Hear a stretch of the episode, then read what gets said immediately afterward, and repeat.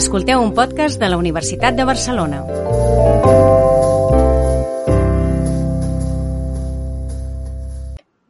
En un discurs solemne a la Universitat de la Sorbona, el 2017, Emmanuel Macron, president de França, va batejar un nou concepte, el d'universitats europees.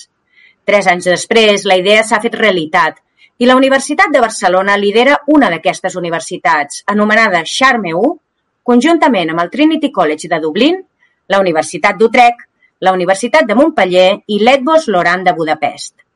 La Charme es presenta com un projecte d'acord amb els valors europeus i els objectius de desenvolupament sostenible que vol ser una referència de qualitat i innovació a la Unió Europea. Per analitzar el present i els reptes de futur d'aquesta iniciativa, tenim amb nosaltres el rector de la Universitat de Barcelona, el doctor Elias. Bon dia, doctor Elias. Bon dia. Rector, les universitats europees són una nova realitat que tot just s'està construint en aquests moments. Pot definir en un parell de frases per a les persones que ens estan escoltant en què consisteixen les universitats europees? Sí, molt, molt fàcil. Les universitats europees són aliances d'universitats que s'han ajuntat per planejar, plantejar projectes que ens permetin alinear-nos amb els valors del nostre continent europeu i els ODS. En el fons, estem cridats a pensar i posar en marxa les universitats del segle XXI, que tots i totes desitgem i necessitem. I exactament què és el que porta la Charme 1 en aquest nou context, en aquest nou panorama d'universitats europees? La Charme 1, com diu el seu lema, vol reconciliar la humanitat amb el planeta.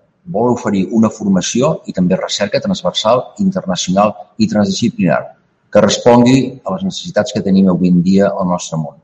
De moment, comencem amb un màster, però volem oferir un, un nou model de fer universitat.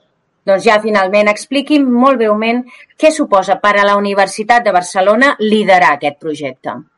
Well, per nosaltres és molt important, no només perquè liderem una de les aliances que més ressò està tenint, sinó perquè liderem el projecte on estan implicades altres quatre, quatre universitats de referència internacional en docència, recerca i transferència del coneixement. I, sens dubte, suposa que podem oferir tot el nostre potencial, la nostra tradició i la nostra mirada cap al futur. Doncs això és tot. Moltes gràcies, rector, pel seu temps. Moltes gràcies a vosaltres. Continuem amb aquest episodi dedicat a les universitats europees i específicament a la Charme 1 amb tres persones directament implicades en la seva gestació i el seu desenvolupament. Donem la benvinguda al doctor Francisco Esteban, líder del grup de treball en comunicació i divulgació de la Charme 1. Bon dia. Hola, bon dia a tothom. Meritxell Chávez, mànager de la Charme 1. Bon dia. Hola, bon dia, Patricia i la doctora Núria Casamitjana, comissionada del rector per la Charme 1. Bon dia. Bon dia a tots. Amb el rector hem repassat les implicacions que té una universitat europea com la Charme 1. Ens agradaria que vosaltres expliqueu als oients en quin punt del procés es troba la posada en marxa d'aquesta nova universitat. Portem ja un any, hem complert un any de, de, de projecte. Ha estat un any molt intens, no solament pel Covid, ha estat molt intens, ja hauria estat igual, perquè estem creant aquesta universitat des de zero. Eh, està lògicament basada en les fortaleses de, de, de tots i cada un dels socis, però si volem realment innovar hem de crear eh, alguna nou. I estem creant de zero doncs, la governança d'aquesta nova universitat, els valors, el, el disseny curricular, les estratègies docents, l'esquema de mobilitat completament diferent a el que coneixem fins ara, com ser inclusius. Eh, vull dir que realment estem pensant en totes aquestes facetes. També hem creat la, el, el màster, el màster que ens servirà de pilot, de pilot i de prova de, de, de prova de foc, no? de si això funciona o no. I també durant, abans de l'estiu vam estar dissenyant la proposta per crear l'agenda de recerca i innovació conjunta de Charm, que vam presentar un, un projecte de l'AC 2020 en el que ens han concedit dos milions més. Eh, I, per tant, començarem al, al gener en paral·lel amb els dos projectes. Sí, Meritxell, justament parlaves d'un màster. Sí, el primer estudi que es podrà cursar a la Charme 1 serà el màster en reptes globals. Ens en podeu fer cinc cèntims?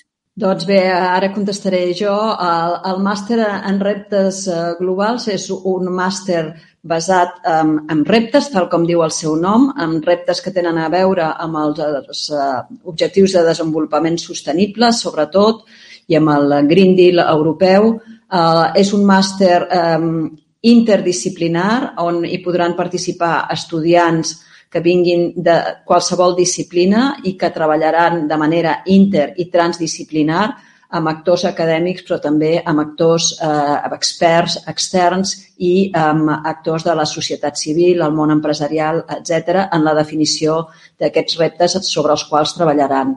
El màster és un màster de 90 crèdits STS eh, que es podrà cursar o bé en un any natural o bé en un any i mig i que constarà de tres fases. Una primera fase de competències molt transversals, sobretot molt enfocades a tot el que és sostenibilitat, transdisciplinaritat, emprenedoria social, eh, etc. Després una segona fase que serà temàtica i per aquesta primera etapa del màster eh, pilot S'han triat eh, tres temàtiques que són aigua, alimentació i salut i benestar i finalment els estudiants hauran de treballar en equips eh, multidisciplinars sobre un repte que ells triaran en aquests tres àmbits d'actuació i que hauran de presentar al final del, del programa de màster. I com dificulta o afavoreix l'actual situació sanitària en el desenvolupament de la Xarme 1? Què ha implicat? La, la veritat és que no tot ha sigut dolent, hem de dir. Eh, hi ha coses que podem agrair al Covid eh, perquè ens ha, ens ha fet treballar d'una manera més sistemàtica. Vull dir, no preveiem fer-ho tot online, però al final ens ha ajudat a, a fer-ho de manera més intensa i ens ha permet no tenir tants retards potser com, a, com hagués pogut, pogut ser. Pensa que estem treballant més de 100 persones en nous grups de treball i hem agafat la sistemàtica de reunions setmanals eh, i, i, per tant, ens ha ajudat en aquest sentit. No? D'altra banda, ens ha fet pensar més ràpidament en com innovar en fer aquestes classes, aquests, connectar aquests cinc campus, perquè, perquè no estarem, eh, podrem, esperem que podrem viatjar, però, però ens ha ajudat al, al disseny d'això. Pensa que la primera fase del màster serà, hi, haurà interconnexió amb els cinc campus, o sigui, les classes es faran a la vegada. Eh, I això també ha fet que hi hagi més equipaments a les universitats i, per tant, això també ha sigut una... Ara bé, la, la relació personal eh, no la pot substituir de cap manera i això és molt important. Eh, molt important en un projecte com aquest, en, en tots els casos, però pensa que hi ha situacions molt complexes perquè som cinc cultures, set idiomes, eh, un projecte molt ambiciós. Hi ha moments en què les situacions són la gent ho ha dit, és a dir, en aquestes reunions i aquestes trobades no solament et trobes en les reunions i resols coses, sinó que les resols també a fora. Clar, i això potser és el que ha faltat ara. Però, bueno, si més no és el que comentàveu, no tot és dolent perquè ha sigut com una prova de foc, no? Com un, com un posar-se en situació i haver-se d'adaptar a aquesta distància, no? Que, que segur que la Xarme 1, per, per idiosincràsia de la mateixa universitat, tindrà. Com conviurà aquest nou model educatiu amb la universitat tradicional? És a dir, la validesa d'un màster a la Xarme 1 serà equiparable a la validesa de qualsevol màster oficial? Doncs bé, el, el màster que estem desenvolupant és un màster que serà un màster universitari, per tant, té el mateix valor acadèmic que la resta de màsters universitaris. Estem treballant amb el, cada universitat, els cinc països, està treballant amb el seu govern perquè aquests màsters siguin aprovats a nivell nacional, però en qualsevol cas el màster donarà un títol conjunt de les cinc universitats. Per altra part, estem en un procés d'acreditació conjunt, que és molt novedor, és molt innovador. Com deia la Meritxell, tots estem aprenent en aquest procés i estem posant en marxa nous mecanismes i nous processos i el procés d'acreditació del màster en el qual ens trobem en aquests moments. Fa pocs dies ha tingut lloc la visita del comitè extern avaluador, estem esperant el, el, el, el seu el, el seu informe per anar avançant i aquest procés que és eh, una de les primeres vegades que es fa servir, que és el de European Approach, està liderat en aquest cas per la nostra agència de qualitat, que és l'ACU, però serà reconegut per les altres agències i pels altres països i de fet l'estem fent a través del Trinity College. O sigui, que és una combinació de eh, processos dels diferents països, de les diferents universitats, però que és conjunt de tots per tenir el màster acreditat a eh, ser possible el setembre del 2021 quan volem iniciar el màster. I els eh, diferents països, les autoritats competents en educació superior hauran de posar en marxa els mecanismes necessaris perquè aquests màsters tinguin la qualificació de màsters universitaris a cadascun dels països, tal, tot i que, com he dit, és una acreditació conjunta i que donarà un títol conjunt.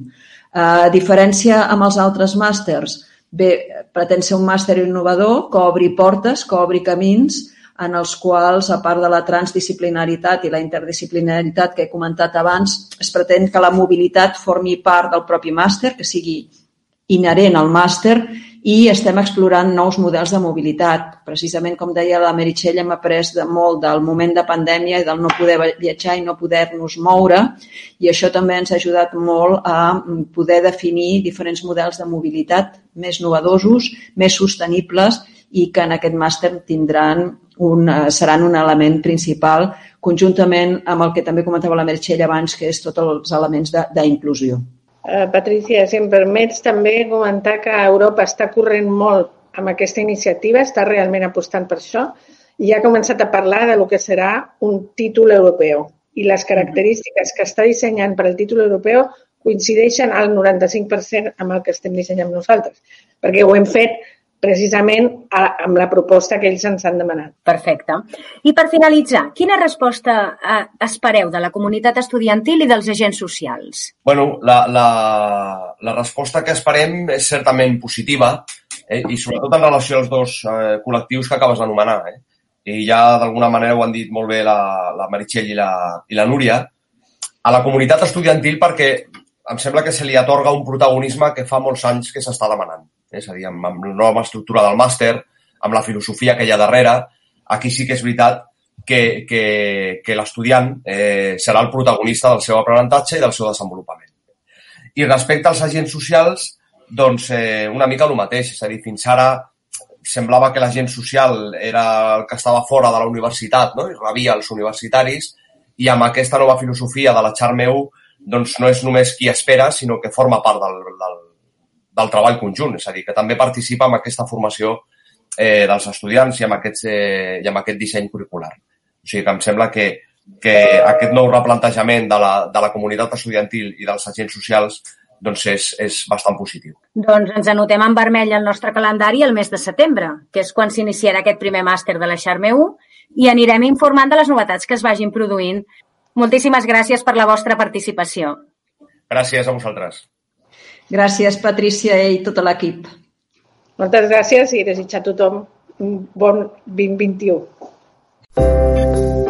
Gràcies per escoltar aquest podcast de la Universitat de Barcelona.